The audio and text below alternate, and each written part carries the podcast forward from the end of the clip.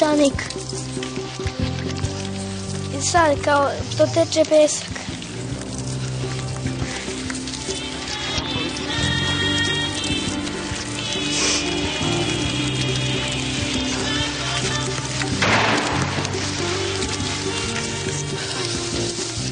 Živet ćemo, radit ćeš ko rob.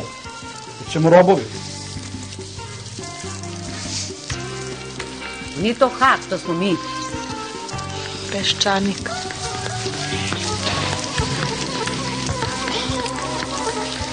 Dobro, koliko ima staža ti pa kad si Ja imam 15 godina radnog staža, počeo sam da radim sa 18 godina.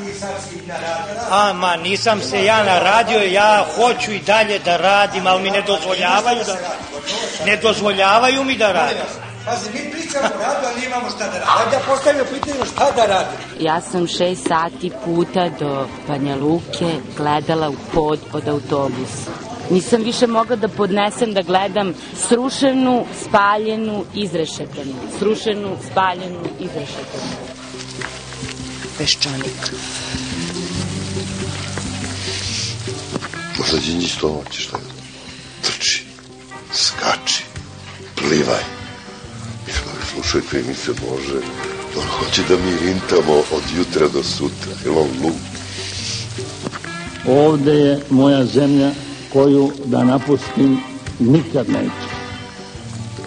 Znači u ovom referendumu, kad smo mi trebali da odlučimo da će dođe Felipe Gonzalez i još dva neka pedera španca, 5 miliona 300 hiljada ljudi je došlo da kaže ko vas jebe.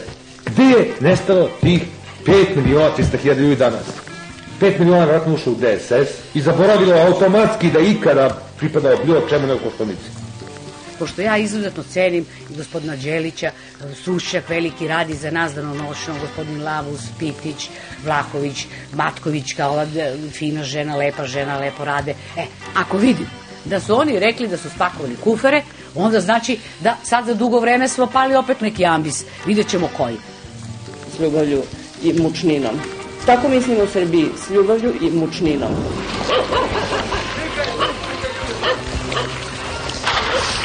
Šta ti braniš? Peščanik.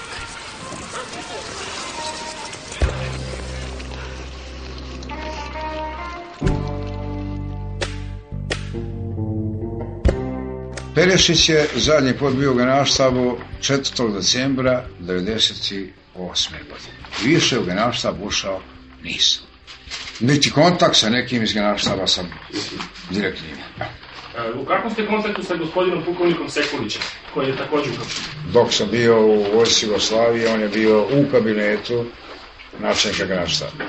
O izlasku iz vojske Jugoslavije niti ga čuo, niti video. Je li bilo predaje bilo kakvih dokumenta s vaše strane američkom diplomati? Niti je bilo, niti šta davao, niti šta uzimao. Dobar dan, čik pogodite koja je ovo zemlja, čik pogodite o čemu ćemo danas da govorimo, čik pogodite ko je ovaj čovjek malo pre koji je progovorio na današnjoj konferenciji za štampu. Najpre slušate u emisiji Peščanik gospodina Đorđe Vukadinovića, on je politički analitičar i urednik časopisa Nova srpska politička misao. Mene zaista zabrinjava to što, čak i po, po pretpostavkama Stratfora, je vrlo verovatno da je potpredsednik vlade moje zemlje špionirao, odnosno radio za stranu zemlju. To je skandalozno. Ta skandaloznost tog čina ne može biti umanjena nikakvom kesom, nikakvim ovaj, proceduralnim greškama koje je ova služba vojna obeštena umeđu vremenu napravila.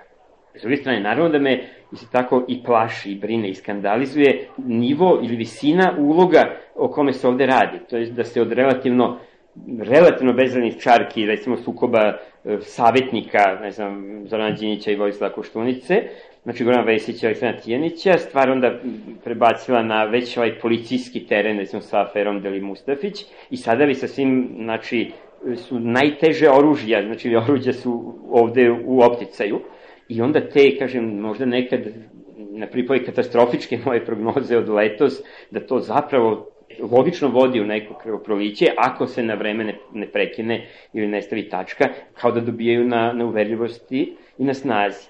Dakle, naravno da me brine i to kako funkcionišu ti, ti bezbednostni organi. Ali, dakle, prve reakcije su očino bile motivisane time da odbijemo svaku mogućnost da se to negativno odrazi na naš politički rejting.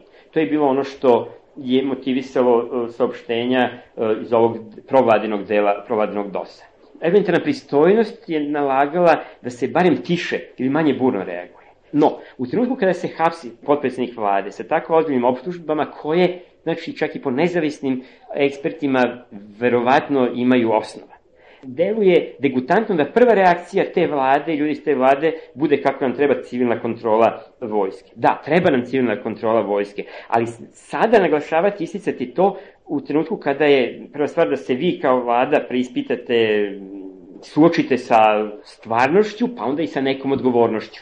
Taj agresivni napad i ta, ta hlabuka kako je potrebna kontrola vojske, što je znači tačno, ali u tom trenutku deluje kao zaista zamena teza, deluje kao ona delovanje po onoj liniji da je napad najbolja odbrana i, kažem, za moj ukus zvuči gotovo politički nepristajno. Mnogi se, se začudili, pogotovo tih, kako im, ostrašćenih dosovskih e, e, kako i zašto Amerika tako blago, blago reaguje. Kao da su sad želeli, i u osnovom ta vest je puštena, ovaj, odmah nakon hapšenja, osnovno vesti o hapšenju, kako će Amerika, odnosno američke države, neće zbog toga nam odobriti u pomoć i tako dalje, da bi posle, zamislite, skandala i bruke, predsjednik američke ambasade morao da demantuje da je to ambasador Montgomery izjavio. To se samo pokazuje koliko se ovde manipuliše između ostalog i tim mišljenjem međunarodne zajednice, pogotovo stavovima Amerike i sličnim stvarima. Kao da e, neki žele da bude što gore, to bolje. Kod nas se, znači, histerično reaguje zbog toga što je uhvaćen ili neko pri pokušaju, recimo, nečega što nazivamo špionaže ili odavanja vojnih tajni i tako dalje. Verovatno je te godine, već decenija, znači te Miloševićevske propagande i otkrivanja špijuna i izdajnika na, na sve strane, na svakom ćošku su doprineli devalvaciji svih tih pojmova i svega toga na što, na što se stari režim pozivao, da su ti pojmovi izdaje potpuno relativizovani.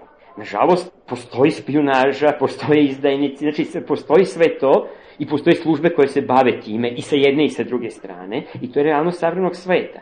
A kod nas su mnogi više ili manje iskreno ili naivno poleteli kao grilom u jagode u tu globalističku priču, to, u to kako zapadaju granice, kako u savremenom svetu e, granice nisu važne, jeste nisu važne, ali za nas je kako važe šengenske vize, e, nema vojnih tajni s druge strane, jer kada budemo članovi, ne znam, partnerstva za mir ili NATO pakta, za šta se pledira, ja mislim prenaglo i netaktično, uzme bude rečeno, onda e, neće biti nikakvi tajni, pa šta onda general Perišić je samo malo požurio, malo prejudicirao, je tako, tu stvar. Dakle, meni je to takođe e, neukusno. Ponavljam, ono rešenje, ona strategija za koju se vlada opredela prvim danima i ljudi iz demokratske stranke i oko demokratske stranke nije, nije dobra i nije čak ukusna. Ovo je sada, ovo od juče, recimo, od ove konferencije štampu poslednje i od ovog nastupa Zorana Đinića, tu se vidi da, da su izvučene neke pouke, otprilike, Iako, naravno, on dalje pokušava da izvuče maksimum, što znači da se ostavka, je tako, Perišića veže za ostavku i šefa ove službe, vojne službe bezbednosti, što meni u ovom trenutku, rekao bih, nije previše, nije previše realno. Paradoksalno mogu bi se reći da je upravo u ovom trenutku ta služba imala jedini, jedini uspeh, jedini rezultat, uz niz kršenja, dakle, pretpostavljam kršenja, što internih, što nekih eksternih ovaj, pravila i procedura, oni su bar nešto uradili. Trenutak u kome se, to hoću da kažem, trenutak u kome se sada ova priča o civilnoj kontroli lansira, zapravo deluje kao najgore usluga ideji civilne kontrole vojske i ovih službi. Znači, potrebno i legitimno ideji, ali u ovom trenutku e, to zaista deluje samo kao politak alibi.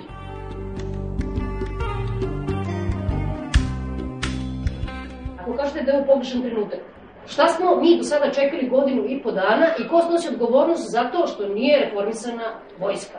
Svetlana, potpuno se, e, ste u pravu i potpuno se slažem. Naravno da smo čekali, naravno da zna se ko snosi e, najveću odgovornost. Složit ćemo se oko toga na kome je odgovornost, ali ćemo složiti i to da oni koji tu priču potežu, potežu je sa vrlo jasnim i, i vrlo prozirnim, rekao i političkim, dnevno-političkim i sitno-političkim interesom. Tim pre, što u onoj sferi u kojoj imaju uticaja, i nadležnost, gotovo isključivo na republičkom nivou i kada reč o republičkoj službi bezbednosti, nisu učinili mnogo ili gotovo ništa, osim ovog problematičnog saveta, da sami uspostave tu, znači prostvore prostor za tu kontrolu tih policijsko-bezbednostnih formacija. Jedini, kažem, demokratski i politički kao sredstvo za taj prekid jesu izbori. E, ja mislim da će doći trenutak kada će, plašim se, da će, bez ona sve moje kritike, dakle, vlade i premijera Đinić, ja se plašim da će doći trenutak kada će oni poželjeti izbore, ali kao u onoj pesmi, možda izbora tada nigde biti neće. Predugo odlaganje izbora, na kojem bi e, vlada ili ovaj vladajući deo DOS-a oko demokratske stranke, verovatno bio prinuđen da deli vlast, ali vrlo verovatno i zadržao dobar deo vlasti. Želeći da zadrže ceo kolač, pod svojom kontrolom. Znači, čitavu vlast, oni, e, plašim se, igraju jednu vrlo opasnu igru, opasnu i po sebe, ali i po čitavo društvo, rizikujući da dođe u situaciju da će izgubiti čitavu vlast, znači kompletnu vlast i ko zna šta još možda uz vlast. Ako ovi izgube skroz vlast i još nešto uz vlast, a ko mislite da će dobiti? Ako se bude e, bandoglavo insistiralo na tome, mi imamo većinu u parlamentu i guramo pa dokle guramo. I Milošević ima većinu u parlamentu i, i znamo kako je to prošlo. Nije daleko dan kada će oni sami shvatiti da je u njihovom interesu zapravo da oni forsiraju te izbore i za, na kojima neće proći tako loše. Ali e, svakim danom, doslovno rečeno, svakom sledećem, svakim sledećim nivom krize ka kojima idemo, šanse za takav rasplet su zapravo sve manje. I onda stvari, znači, uslovi ne samo za veliki revanš, nego zapravo za jedan haos u kome možemo samo licitirati da li sa imenima, ja čak i nemam nikakva imena na umu, nego više sa profilom tih snaga koje bi mogle iz svega toga izvući korist. I onda će biti prilično nevažno, prilično nebitne ove, najte tako sada, fundamentalne razlike između nacionalno, liberalnog i radikalno reformskog i ne znam već kojeg e, segmenta, ne znam, u ovom vladajućem delu DOS-a. Ako do toga dođe, naravno, kažem, toga nadamo se neće doći, ali prosto treba da upozorimo da ta opasnost nije isključena.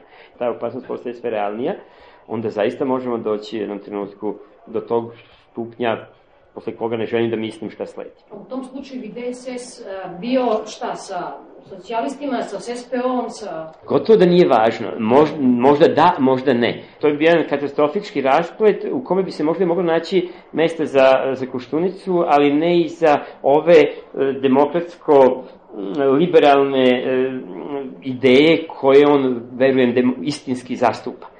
Dakle, bilo sa DSS-om, bilo DS, bez DSS-a, kažem, to već nije važno. Da li će to biti neki veliki revanš nekih e, nacionalno-patriotskih snaga, ili će to biti jedan haos i anomija, znači neka, neko što između Rumunije i Bugar i Albanije, kažem, to možemo nagađati, ili Argentine možda, ali taj scenario nije sasvim nemoguć.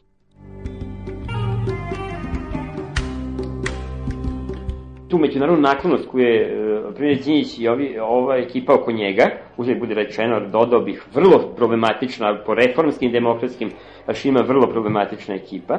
Dakle, da su postali oslonac reformi i favorit, recimo, Zapada ili Amerike u Srbiji, zbog tog čina izručenja, oni su pokušavaju sad tu svoju prednost još, uvek kapita, još više kapitalizuju, stalno dovodeći DSS i Koštunicu, znači, presvršen čin i pokazujući kako oni zapravo ovaj, su taj kočničar saradnje i sa Hagom i uopšte sa Zapadom. S druge strane, dakle, ovaj e, sa Koštunica i DSS e, i svojom odgovornošću, ali i ovom, rekao bih, e, veštom igrom e, protivnika e, kada su istisnuti znači, sa pozicije ljubimaca i favorita Zapada, onda su prigrili ono što imaju, što im preostaje, a to je podrška dakle, srpskog javnog mnjenja i niko normalno na njihovom mestu se ne bi odrekao toga ili je to, bude rečeno, trenutno, pored te nesvetne službe, vojne jedini adut, jedina poluga moći koju imaju. Dakle, oni onda e, neke stvari koje bi možda bili spremni da učine u nekoj drugoj konstelaciji, ne čine, jer računaju onako im to neće omogućiti da se eventualno izvade pred tim svetom, a rizikuju da izgube ovu podršku i popularnost koju inače imaju. Stvar se radikalizuje, eskalira, a pri tome, rekao bih, niti znači, narod, niti ta međunarodna zajednica koja je u krajnjoj liniji ipak interes, pre svega stabilnost u ovom regionu, ne dobijaju, nego naprotiv gube.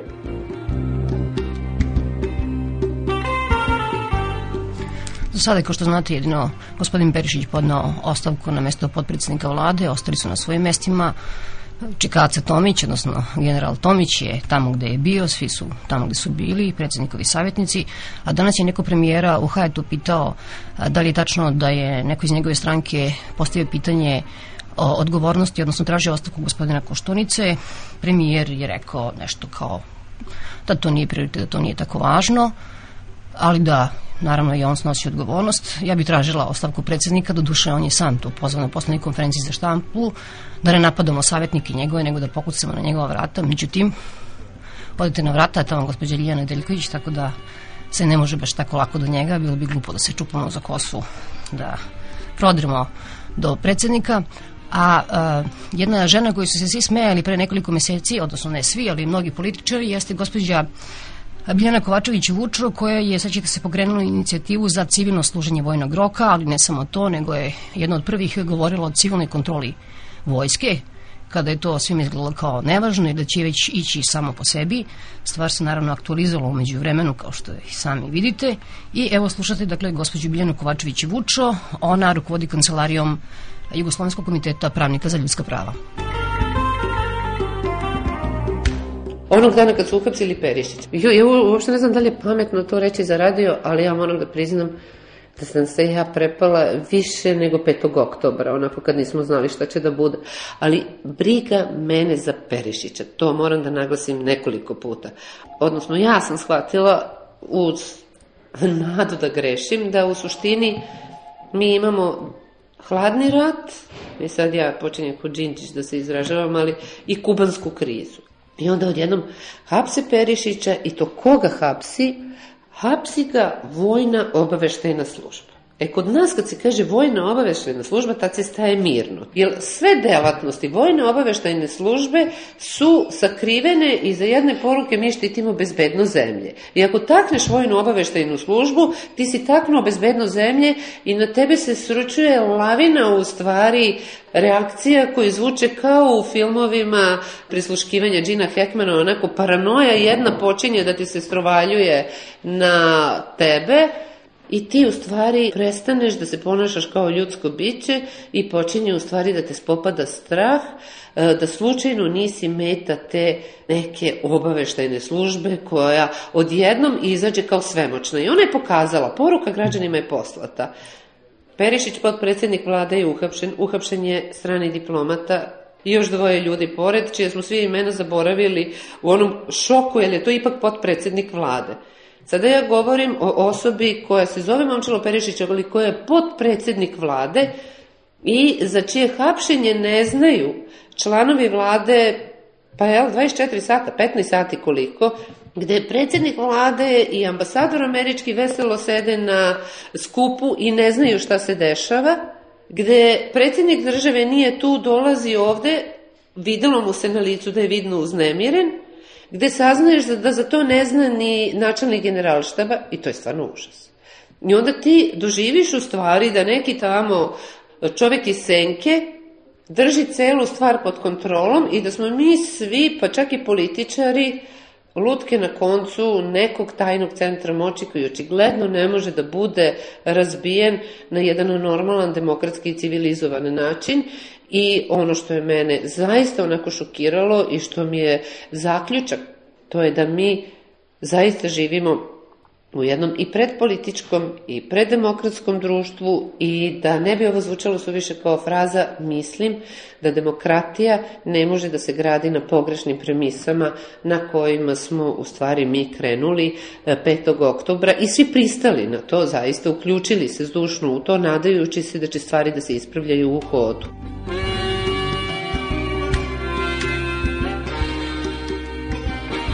Ovakav jedan događaj se povezuje sa više aspekata upravo sa Haškim tribunalom. Prvo, po meni je to jasna poruka insajderima šta može da im se desi ukoliko pristanu na saradnju sa Hagom. I uopšte, ceo događaj je jasna poruka. Jasna poruka svima da žive u strahu. To je jedan nivo priče. Drugi nivo priče je da bilo koja vrsta saradnje koja, za koju ja smatram da je mnogo suštinskija nego ekstradicija ljudi za Hag, u vidu podnošenja odgovarajućih dokumenta koje idu e, na teret optuženog, znači koji su protiv optuženog, može da se kvalifikuje kao špijunaža, zato što je to saradnja sa stranom silom, jer Haški tribunal, bez obzira što je Međunarodni sud, ljudi koji rade za Haški tribunal i zemlje koje sarađuju sa njima su predstavnici raznih e, zemalja. Poslata je jasna poruka da moraš sve što budeš govorio sa stranim predstavnicima da vagaš od sad pa nadalje da ne bi bio optužen za špijunažu. A treće, takođe jasna poruka je da mi nikad nećemo saznati o čemu se zapravo ovde radi. Zbog toga što je krug zatvoren. Znači, jedni koriste kao štit špijunažu, drugi koriste kao štit nezakonitost postupka, treći koriste kao štit diplomatski imunitet, a mi ostajemo podanici koji celu noć ne spavamo i čekamo hoće li izleteti tenkovi na ulicu ili će se helikopteri spustiti ili će se neki paranoik setiti da si ti upravo pripadnik strane obaveštajne službe ili ćeš razmišljati o tome na koji način i kako ćeš razgovarati sa strancima.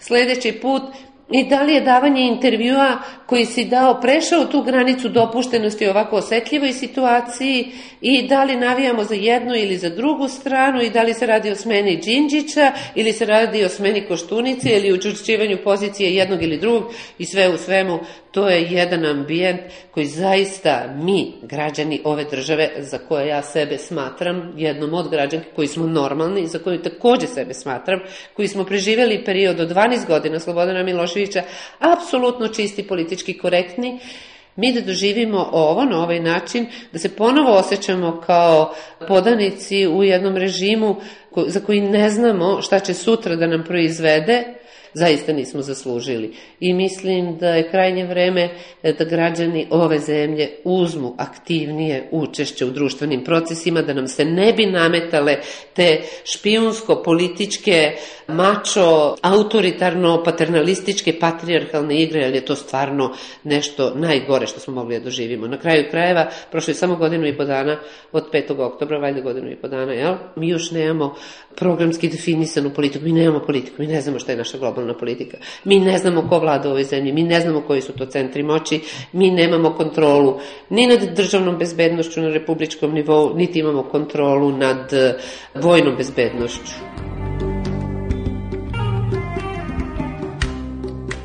Kad smo prikupili 30.000 ljudi da potpišu inicijativu za uvođenje prigovora savesti u Skupštinu, e tog trenutka smo postali opasni. Kao centar stranih obaveštajnih službi, tih 30.000 potpisa je sad odjednom izgledalo, ljudi su mislili nema veze, ne klaprdaju ovi, kao kakvi oni nemaju legitimitet, ono 30.000 ljudi, znači, hoće nešto, hoće reformu vojske i odjednom su krenuli napadi od pretnji telefonom do ovaj, napada u časopisu, neki časopis geopolitika, tu sam kupili na aerodromu, potpuno bez veze, tamo sam videla da sam predstavnik strane obaveštene službe, mislim, totalno uređuje Drecun. Napravili smo jedan adekvatan predlog zakona koji je bio jako osmišljen i naleteli smo u Skupštini, da ja moram da kažem na ne znam koliko poslanika, totalno nekompetentnih za te stvari koji su nas samo gledali kao otprilike šta sad ovi hoće šta nam se mešaju u posao. I mi smo tu u stvari razbili taj koncept prvi put.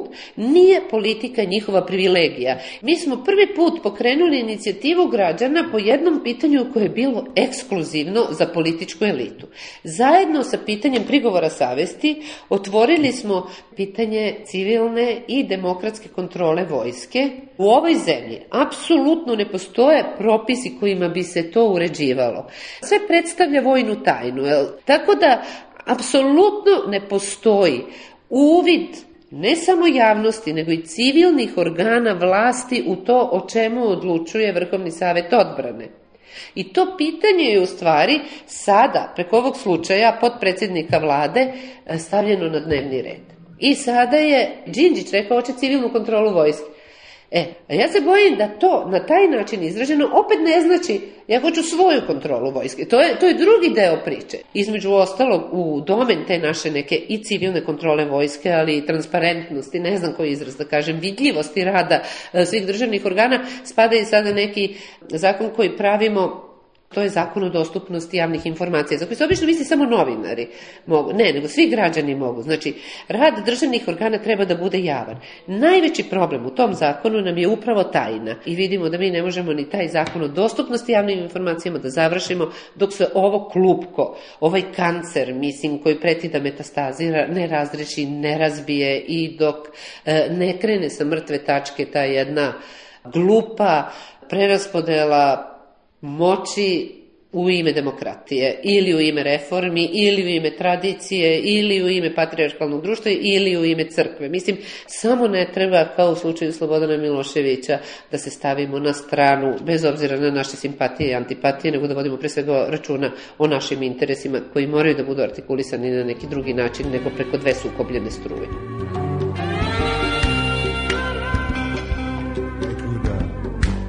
Negde se izgubio ratni zločin, nema ga. Izgubio se i u Haškom tribunalu. Nema ratnog zločina, više se ne vidi. Ono što smo mi očekivali, znači ljudi e, da vide šta se dogodilo i ipak će reći, ej, mislim, teško će da podnose, negiraće i sve, ali nismo očekivali da će oni da ismevaju žrtve. To je nešto što je apsolutno šokantno. Ej, oni ismevaju, mi ismevaju, oni mi, ne znam više šta da kažem, mi ismevamo te žrtve, mi se rugamo njima zato što ih je Milošević kao eto tako doveo do da budu smešni. To je strašno, to je stvarno nešto što nismo očekivali. Ovo sad isto. Ne možeš da budeš zadovoljan svakim rešenjem reformske vlade. Ja se slažem da je Đinđićeva vlada prozapadna i reformska, ali ja ne mogu da budem zadovoljna iako ću da podržim i prva da stanem iza izručenja Miloševića, zato što je to nešto što je moralo da se uradi. Ali ne mogu da stanem iza toga kako je to urađeno. Ne mogu se ljudi prodavati. Ne može da kaže imamo pet visokokaratnih uh, ljudi koji treba da isporučimo. To nije poruka koja ovom narodu može da se daje na takav način, jer proizvodi kontraefekat. I Đinđić bi stvarno mogao da porazmisli malo o svojoj popularnosti. Znači, nije nužno svaka mera koju on donosi, donosi uh, tranzicione, nije tranzicione tranzicija ta koja nas dovodi u takvu situaciju, nego je to jedan vokabular i neke poruke koje se upućuju građanima, koji su neverbalne, da građani osjećaju da oni smetaju nekoj reformskoj vladi. Znači, građani su ti koji nužno smetaju tranziciji, jer su oni nužno protiv rizika i protiv tranzicije. Ma nije tako. Mora da postoji socijalni program, mora da postoji adekvatan socijalni program, mora da postoji socijalni dijalog, moraju da se uvažavaju sindikati, moraju da se uvažavaju građani i njihove asocijacija, jer tranzicija nije matematička formula. Osim toga, to je problem korupcije i problem mafije, naravno. Ne moram da govorim da je mafija povezana sa državom, mislim, mafija ne postoji ako niko nije deo organizovanog kriminala, to se zna, jer bi onda bile najobičnije kriminogene grupe koje bi mogle lako da se uhvate. Znači, to nije raščišćeno. Meni se čini da ova reformska vlada koja ima tu podršku Zapada često se zanosi i zaboravlja na to računajući mnogo na podršku Zapada, a s druge strane Koštunicina strana se drži, jednom, drži jedne tradicionalističke, paternalističke demagogije i stalno se protura ona priča kako Koštunica vozi juga. Znači u svesti ljudi je da Koštunica vozi juga. Koštunica se vozi U isto onakvim kolima kao što se vozi i Đinđić, isto ima onoliko telohranitelja i isto kada prolazi taj eskort sa, kad je Koštunica tu, svi se sabijaju sa strane i isto izaziva strah i užas, ali u svesti ljudi, jer to je ta poruka koju e, Koštunica šalje, je ja sam pošten i ja vozim polovnog juga i u to ime Znači sad on nam nameće neke tradicionalne vrednosti sa kojima treba da raskinemo, naravno ako hoćemo da idemo ka integraciji, ka svetu i nameće nam se jedna zaista retrogradna ideologija koja, ok, ako je stranačka, to neće biti stranka za koju ću ja da glasam, ali ja moram da kažem da ona ne može da se nameće sa pozicija sa govornice predsednika države, jel? Oni jednostavno imaju jedan krug ljudi To je neodgovorno, pre svega, u koji imaju poverenje i nisu se usudili čak ni tu vlast da dekoncentrišu do te mere da im se ne preklapaju republički i savezni poslanici. Gledam ministre savezni kako sede u, u ili zamenike ministra savezni kako sede u Republičkoj skupštini, čitaju novine ceo dan. Šta se dešava tada u ministarstvu? Šta se dešava s njihovim poslom? Mislim, to je ta suštinska neodgovornost. Mislim, znači, ide se sve na ono, da li ćemo da pridobimo Velju Ilića za vladu pa da vlada pravda, da li ćemo, pa mi sad svi navijamo, pa onda gledamo kako poslanici idiotski glasaju ko glasačka mašinerija, da ne bi ispali, a tog trenutka si samo glasačka mašina, e, pa si protiv Koštunice zbog njegove politike, zbog vojske, zbog afera koje su se dešavale, zbog tog izigravanja sveta, zbog tih nekih poruka, ne znam, pa onda navijaš za reformsku vladu, pa onda gledaš tu mašineriju u Skupštini. I onda ti se napravi stvarno džem u glavi, više ne znaš šta da misliš i sve ti se smuči. Ja se bojim da će svi ljudi doći do tog stepena i reći će dosta mi je svih vas, ali da li ćemo moći nešto da uradimo, e to je sad veliko pitanje. Ja lično sam rešila da me ova situacija ne porazi. Ja pretpostavljam da je tako isto rešilo i veliki broj ljudi, iako priznajem da me je strah, što nije baš onako lepo priznati, ali sam rešila da me ova situacija ne porazi i da moramo da budemo maksimalno koncentrisani da ne dozvolimo da nas prgutaju. Posle ovog intervjua sa gospođom Biljanom Kovačević Vučo, bili smo sa njom na konferenciji za štampu koja je održana juče Uh, održali je uh, pre svega Ljena Nestorović, uh, sećate se, mada uh, sve padlo u zabora posle ovih skandala koji se dešavali u poslednje vreme. Dakle, Ljena Nestorović koja je zajedno sa nekoliko svojih koleginica tužila generala Vuka Obradovića zbog seksualnog uznemiravanja. Naime, drugi opštinski sud je odbacio krivičnu prijavu Ljene Nestorović protiv Vuka Obradovića. Zanimljivo je da je skoro istovremeno Vrhovni sud donao presudu u korist Vuka Obradovića i time ga ovlastio da predstavlja socijaldemokratiju. Juče je Ministarstvo pravde donelo rešenje po kome je predsednik socijaldemokratije ipak Slobodan Orlić. Tako se, dakle, otimanje a, za a, a, nekoliko mandata ove stranke nastavlja, odnosno a, nastavlja se taj spor ko će u stvari biti legitimni predstavnik socijaldemokratije. A sećate se kako je sve počelo, evo govori gospođa Biljana Nestorović i njeni branioci iz Jukoma, Dušan Ignjatović i Biljana Kovačević Vučo. Da li bi voleli da vaše majke, žene, sestre, čerke dođu na posao i da ih tamo šep hvata za ruku, stiska i traži nežnost? Da pribija uza zid i stavlja palac na usta? Da hvata za gležanje noge tokom službenog puta? Da mazi po bradi i traži nežnost? Da daje izjave da li si probala analni seks na stolu samo da nam se usnice spoje, poljubi čiku, daj mi ruku, zašto ne sedneš pored mene i da svaki radni dan započinje sa tim rečenicama i da se završava sa tim rečenicama. Saslušano je pet svedoka i prijavljeni. Sve ono što je Biljana malo prepročitala, dakle to se nalazi, mi nismo teli da imenujemo ko je šta govorio, ali to su navodi iz njihovih svedočenja pred sudom. U tim radnjama tužilaštvo nije našlo nikakvu devijantno radnju, ni našlo ništa što bi mogo da ima elemente krivičnih dela za koje se goni po službenoj dužnosti. Prema zakonu o krivičnom postupku oštećeni može da preuzme krivično gonjenje kada tužilac odustane od krivičnog gonjenja i mi ćemo to i uraditi. Vi znate da je socijaldemokratija podnela amandman na krivični zakon I taj amandman odnosio se na uvođenje novog krivičnog dela u naš krivični zakon, to je delo seksualnog uznemiravanja, da je tam, taj amandman prihvaćen od strane vlade, ali da je taj amandman, nažalost, odbijen u samoj Skupštini, zahvaljujući pre svega tome što je Demokratska stranka Srbije glasala protiv takvog amandmana. Neki su govorili o Vuku Obradoviću, u njegovom iskustvu sa njim kao o odvratnom iskustvu. Jedna e, žena je izjavila da za 20 godina svog profesionalnog, profesionalnog rada i kao ratni izveštač nikada nije doživao to što je doživjela na intervju kod Vuka Obradovića gest Ljiljane Nestorović koja je izašla sa tim problemom u javnost, koja je pristala da sebe obeleži zarad toga da se spreči takva vrsta socijalno prihvatljivog ponašanja u našoj sredini i da se ona obeleži kao krivično delo i učinila jedan hrabar čin, ali je u tome onemogućio sistem u našoj zemlji. Vrednostni sistem koji još uvek vlada i na kraju tužilaštvo i to zamjenica tužioca koja je na naše veliko razočarenje žena.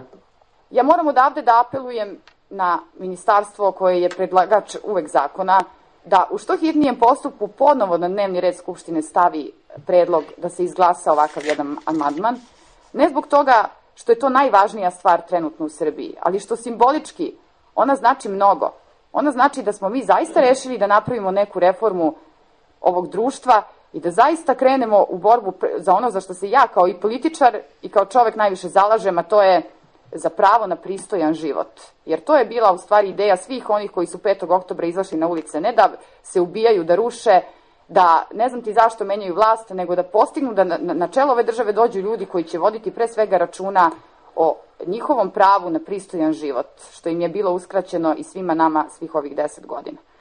Dakle, jedna je stvar ako neko misli da se ovde, da ovde neko laže i da pet ljudi ili deset ljudi, da svi lažu o Vuku Obradoviću, ali još strašnija stvar u svemu tome i ono što se meni čini i što mene zgražava jeste činjenica da ljudi govore jeste desilo se, ali nema veze, pa šta, to je u redu. Znači, imamo jednu situaciju da malte ne imamo odobravanje takvog jednog ponašanja, čak da neki ljudi odnosno veliki procenat ljudi uopšte ne sumnja da se to događalo, ali smatra da jednostavno da to nije ništa. Jel možete da zamislite situaciju da vas se tiče nešto, da vas se jako tiče, vas ili nekog člana vaše familije, i da vi ne znate šta je sa tim, a da mediji već pišu o tome. Mene zovu iz nacionale i kažu šta kažete o odbacivanju tužbe. Kažem, čekajte, ja nemam pojma o čemu govorite. Koliko je pouzdana vaša informacija? Kažu, pouzdana je, verujte, skroz. Ja sada treba da zovem Ljilju Nestorović koja je zainteresovana lično kao oštećena u tome da kažem dobila sam vest iz nacionala da je odbačena prijava protiv Vuka Obradovića. To je nedopustivo bilo gde u svetu i da znate da se to dogodilo u Švedskoj. Ja sam juče razgovarala sa predstavnicima jedne švedske organizacije. Oni su rekli da bi bio pokrenut krivični postupak protiv osobe koja je to uradila u postupku koji je krivičan.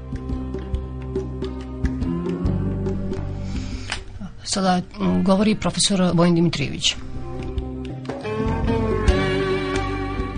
Naravno, to su one situacije gde ljudi krenu da traže informacije do kojih uglavnom neće nikad u potpunosti da dođu, a postoji kod nas tendencija, čak i onim krugovima koji se nazivaju stručnim, da se informacije brkaju sa nekakvim rasuđivanjem. Jel? Prema tome nije potrebno mnogo informacija da čovjek zaključi različite stvari u vezi s tim. Prvo ono što smo svi slutili da je vojska netaknuta posle 5. oktobra, to se vrlo jasno vidi po komandnom kadru. Vidi se po retorici, koja je još uvek ista, jel da naročito saopštenja generalštaba su za nekog lingvistu krajnje zanimljivo štivu, jer je tu zadržano onaj tipično stalinistički humor.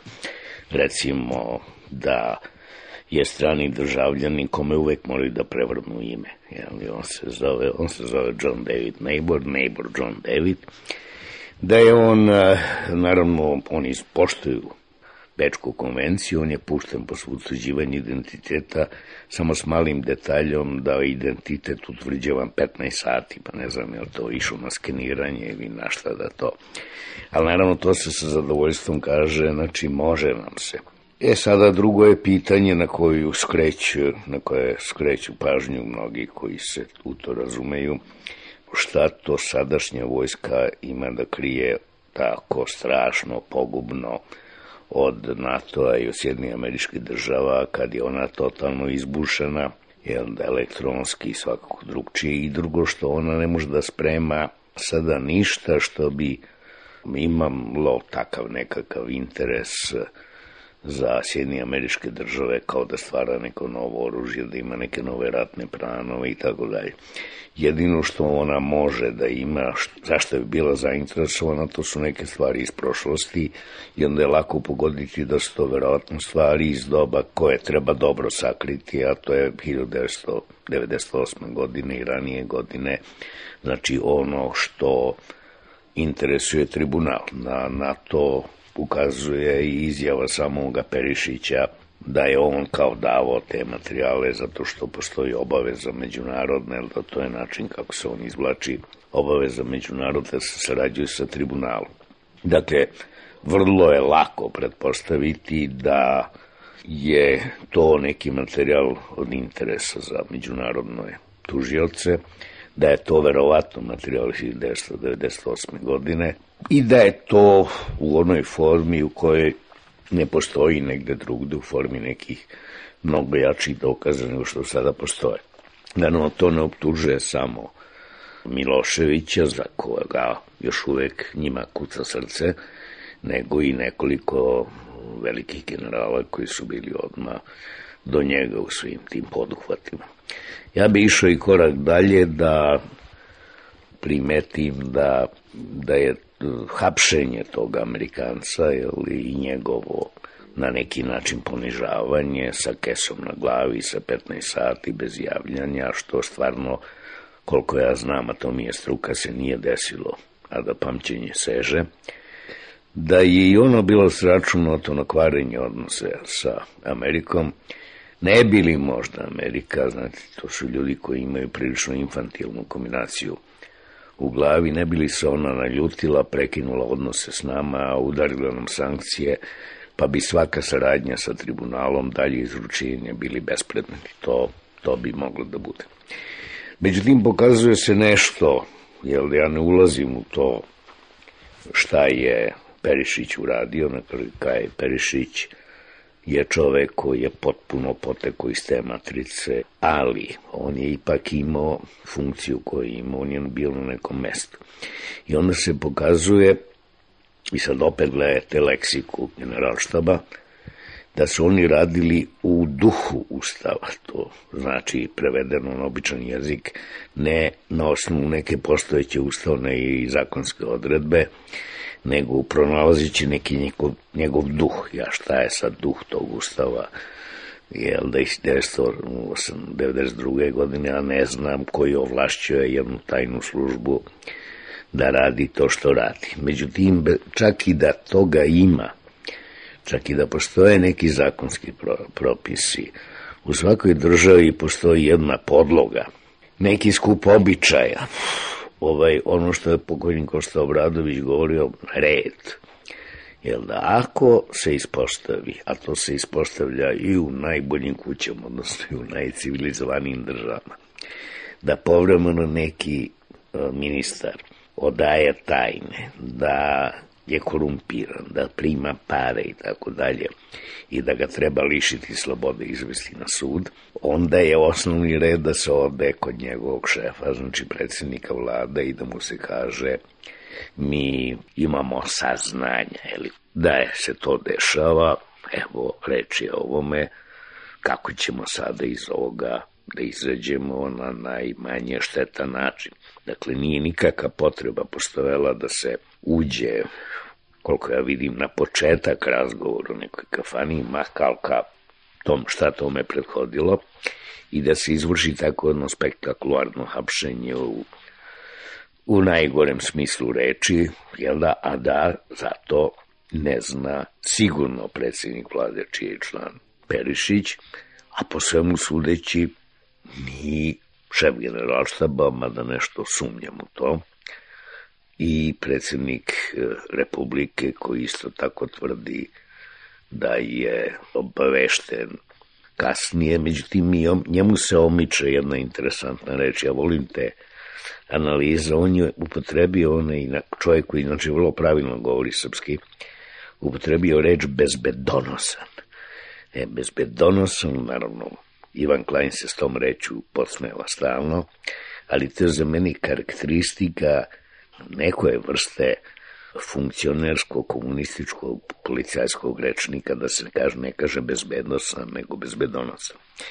Tako da, uh, umesto da se to shvati kao ozbiljan problem, umesto da se to obavi za što manje štete po državu, prosto se traži kriza i, ponavljam, prosto se koristi prilika da se uzgred, jel da pokvare međunarodni odnosi, a da se taj element ni podaštava. Jedini koji je reagovao na to hapšenje po službenoj dužnosti stranog diplomata je bio ministar spoljnih poslova, a predsjednik Republike nas uverava da to nije ništa, da je tako malo neka greška, niko se oko toga ne uzbuđuje, što pokazuje da su te službe potpuno samostaljene, mada uvek za nekoga rada i nekome se nude i predstoji nam opasno vreme gde će te službe da se možda jedna jednom gazdi, drugo drugom gazdi. Nude, ali to ostaje na onom fonu te selektivne ksenofobije, te mržnje prema zapadu, te neke želje da možda, kao što nam i pričaju i naši nacionalni intelektualci, da opet idemo malo uz Ruse, da opet idemo malo uz pravoslavlje, da idemo na istok, jel da s tim u vezi je gospodin Stojadinović ispričao jednu anegdotu o pukovniku, koji uvek ostao pukovnik Timotiću, koga ja pamtim, prvi put sam čuo za njega kao jednog najsposobnijih oficira, koji nije mogao biti unapređen jer je boraveći u inostranstvu i kontaktirao sa strancima. A stranci žive u inostranstvu, ja ne znam s kim se onda tamo može kontaktirati. To je taj isti sindrom, verovatno, tih ljudi koji kojim je prosto srce na mesto ako tako nešto mogu da urade. Možemo mi koliko god zakona hoćemo da promenimo, ako taj osjećaj reda, osjećaj redosleda važnosti, ako potreba da se smanjuju efekti nekih nesporazuma i nekih e, trvenja koji će doći posle ovoliko godina bezakonja ne postoji, nego svaka situacija želi iskoristiti za neku jeftinu i privremenu pobedu, to nam se dobro ne piše.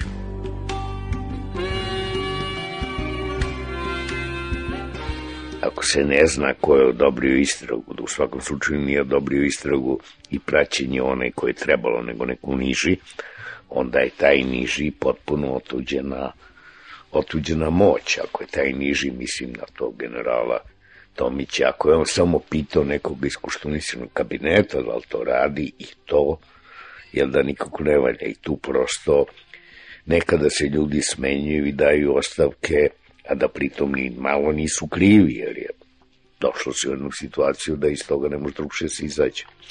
Ja sam čuo da od nekih ljudi koji mi se čini da su preterani optimisti da će se to reši sa nekoliko ostavki, međutim evo vreme prolazi od toga ništa ne biva ja se brinem da će prkos prema Americi da se pojača, jer naravno i ovaj, očigledno je, ali to sve zemlje u svetu sve vreme rade, očigledno je taj diplomata koristio različita sredstva da dođe do tih podataka, ali takvi incidenti se skoro svakodnevno dešavaju u odnosima najprijateljskih država, Francuske, Nemačke, Velike Britanije, Amerike, kako se to kaže u samoj samoj Bečkoj konvenciji da informiše svoju zemlju dozvoljenim sredstvama, dokle idu ta dozvoljena sredstva i ne idu i tako dalje.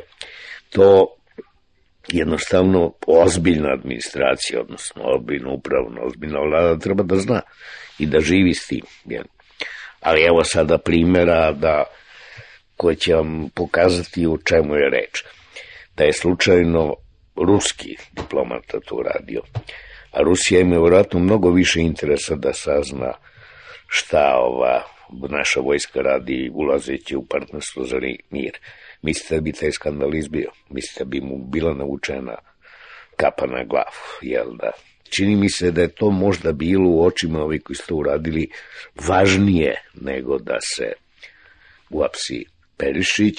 Naravno, mislim da Amerikanci, ako su racionalni, i oni uvek nisu racionalni, naravno su sad nervozni posle 11. septembra, ako su racionalni, njima ide u račun da se to što više zataška, ja mislim da se tako i ponašaju, ne zbog toga što ih je sramota, što je, ne znam, neko teo da kupi tajne, to svi rade, nego zato što bi time išli na ruku onima koji su time želeli te odnose da pokvare.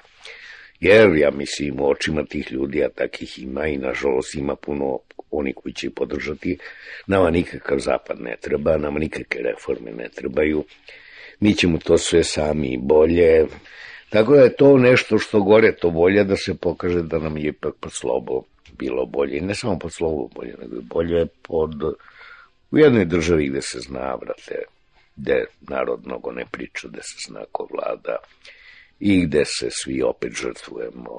Sad ćemo da pronađemo opet neke više ideale da bismo lošije živeli. Reći da je važno kako narod živi, reći da je važno kako nam je, počeo od toga kako stanujemo, kako se hranimo, kako letujemo, jeli? to nekako izgleda čistinski. Mi stalno treba za nekakve ideale da ginemo. Na sveto savlje, za veliku oktobarsku revoluciju, za ne znam šta. I to nam često preporučuju i naši ljudi iz dijaspore koji e, vrlo ugodno žive u Parizu. Mislim i na ove neke umetnike koji tamo sede. Ne prevare se da žive ovde, ali bi od naroda stalno teli da on večito bude mučenički i žrtvenički, jer inače će postati običan ćif, tako i eto, tako ima da je pojede i da popije i živi jedan bezvredan život umesto da stvara materijal za njihove filmove i njihove knjige.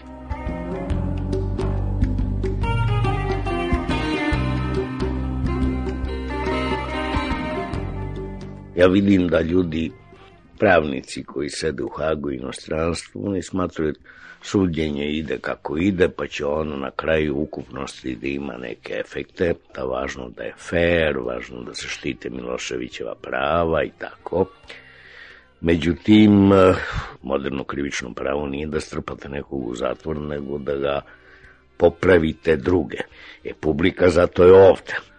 E, ima jedna maksima u anglosaksonskom pravu, u britanskoj tradiciji, koja glasi justice should be done and seen to be done. Znači, pravda mora da se ispuni i mora da izgleda tako. E, to, nažalost, ovde ne izgleda tako i otvorite najnovije istraživanje, preko 50% građana Srbije i skoro 50% građana Crne Gora smatra da je suđenje Miloševiću nepravično. Naravno, oni su puni prethodne propagande, ali sada je bila na početku suđenja, je bila jedna prilika kada ovde milioni gledaju, bila je prilika za Carlo del Ponte ili nekog drugog da izađe. I umesto da se gnjavi Srpskom akademijom nauka i ne znam, rep, memorandumom, jednom budalaštinom koja je već probana na jednom ranijem suđenju, da prosto kaže tribunal postoji radi toga. Nije bitno ko je pravi kriv u tom ratu, nego ni u jednom ratu, ni jednom sukobu ne može se preći najniža grana čovečnosti. Pa da se onda ide nekim hronološkim redom. I onda, onda naravno počinje se sa katastrofalno izabranim svedokom. Mahmud Bakali gleda Miloševića kao žaba zmiju, jeli, zato što je Milošević uspešan pa aparačik, on je neuspešan aparačik. On sad šalje poruku nazad na Kosov da on od uvek bio albanski nacionalista, pa šta je onda radio kao Tito predstavnik tamo dole. Jel da onda stižu svedoci koji su iste boje onoga kod kuće, koji ne smeju da pomenu UČK, koji ne smeju da pomenu da je bilo NATO bombardovanje, govore na albanskom, to traži nekako prevođenje, onda izgleda da su svi svedoci protiv jednog Srbina, ili govore albanski kolbanci, ili su nekaki stručnjaci engleski koji tu prave neke statistike i tako dalje. Da se išlo hronološkim redom, prvo bi to bili svedoci koji govore jezikom koji mi svi razumemo, koji govore o nekim stvarima koje su, koje su ipak čak i onimi koji najviše odbijaju stvarne. Vukovar je stvaran, bombardovanje Sarajeva je stvarno, Srebrenica stvarno i o tome se već govorilo na drugim suđima. Drugo, tu je teren na neki način pripremljen.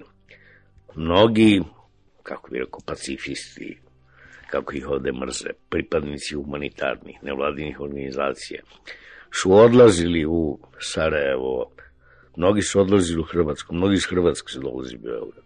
U Sarajevu još uvijek živi puno Srba, u Zagrebu još uvijek živi puno Srba. Tu ima i nekakvo kontakt i razumevanje. U Kosovu to nije slučaj. Kosovske nevladine organizacije nije stela da sarađuju s njama, oni su stele samo da mi priznamo njima pravo na samopredeljenje. Srbe na Kosovu, tako reći, više nema. I da počinje se od jedne najslabije tačke, ja ne kažem da srpskim predrasudama treba povlađivati.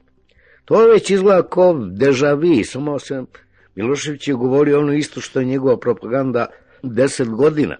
I to naravno zvuči poznato i to se vrati. I sad oni kažu, pa naravno suđenje će još da traje.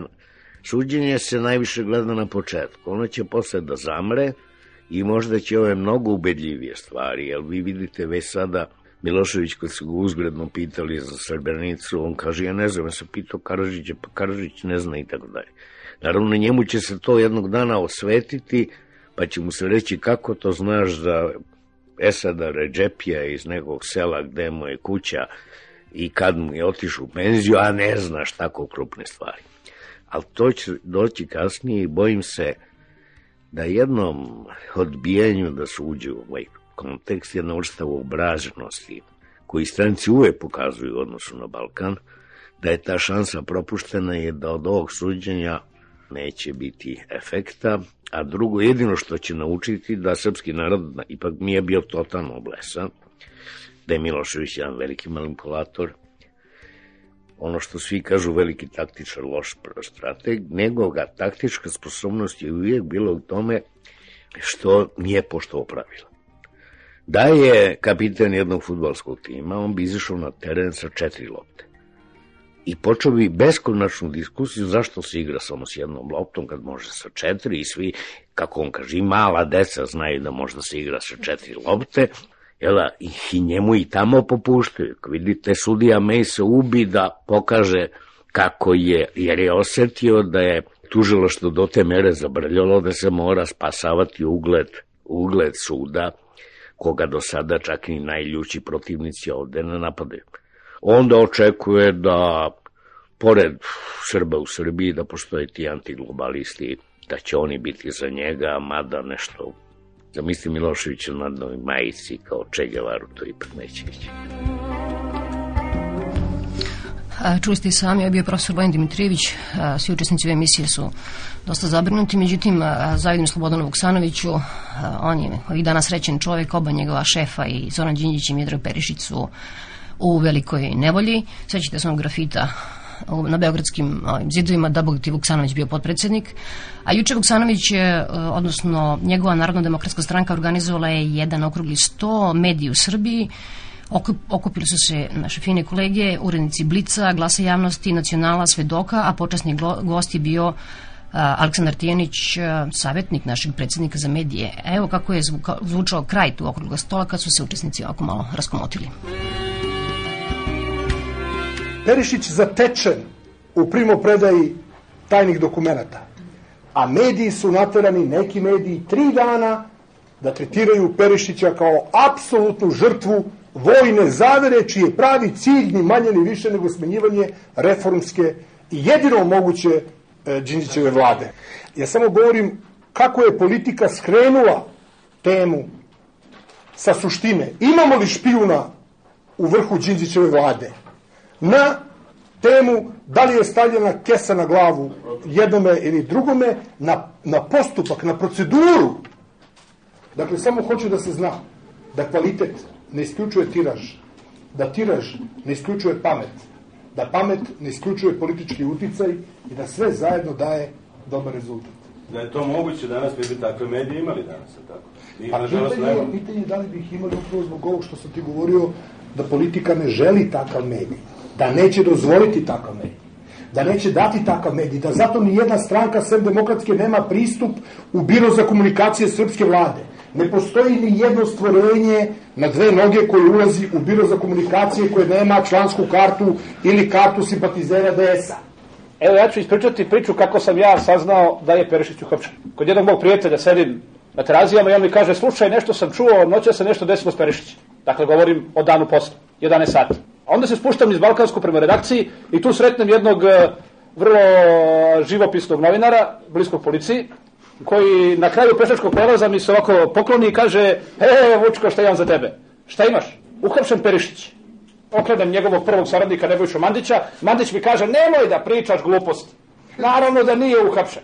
Pa kotku ti ta ideja? Dakle, govorim, podne sutradan nije informacija bila da je Perišić sam sebi uhapsio. Možda nego se, možda i senirao. To je bila jedna od uh, opcija koje su, ja mislim, da, da, čega jebu li iz drugih stranaka ili samo ovaj, ovaj podpredsjednik DSS-a?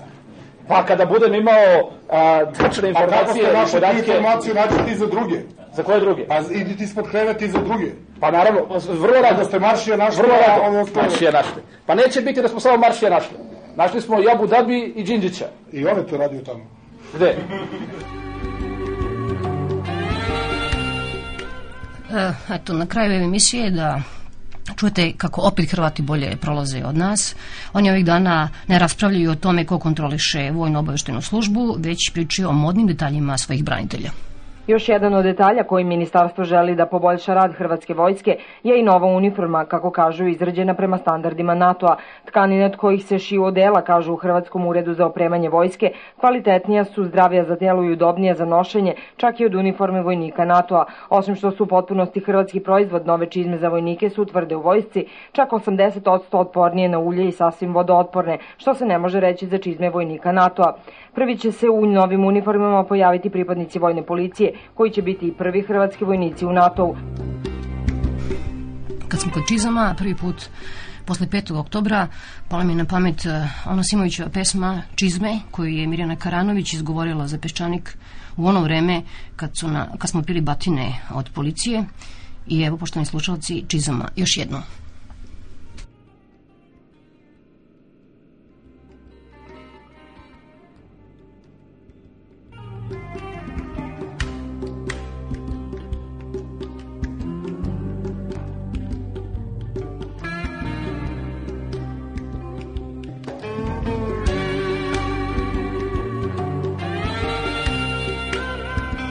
Vidim da imaš prvoklasne čizme. Ne pamtim kad sam video takve čizme. To su čizme od najboljeg boksa. Ne samo iz neke jesenje susnežice, u tako dobro građenim čizmama čovek bi se i iz potopa vratio suv. To su zaista prave državne čizme. Pogledaj samo kako su potkovane. Na svakoj ima bar pola kila gvožđa. To nije samo obuća, to je oružje. Kad si obuven, ti si naoružan. Nema toga pred čim će ustuknuti čovek obuven u tako moćne čizme. Ti na tim debelim džonovima stojiš kao kula na temeljima. Ne samo blato, makadam i sneg. Te velelepne čizme gaze sve. Gaze vino, gaze zube, gaze usta. Na džonovima kroz prazne sobe raznose ukosnice, pepeo, brašno, krv. Ko ti je obuo tako moćne čizme? Bolje da pitam, zašto ti ih je obuo? Zar zato da štiteći nečije šešire, šutiraš i razbijaš nečije glave? Glave. Kao lubenice i tikve. Dokle misliš da stigneš u tim čizmama? Zar se nisi nikad zapitao da te čizme možda nisu od kamena, a gazde su te poslale preko vode? Da li si se ikad zapitao da li ćeš uspeti da izuješ te čizme pre nego što ti se krv, na čije te dno te kamene čizme vuku, zatvori i sklopi iznad glave? Zar ih se nećeš nikad osloboditi? Osloboditi i odahnuti i prema reci poći u letnji dan, bos, kroz cveće prepuno skakavaca. Zar ćeš obuvenu krvave čizme leći u zemlju, kraj bosih otaca? Peščanik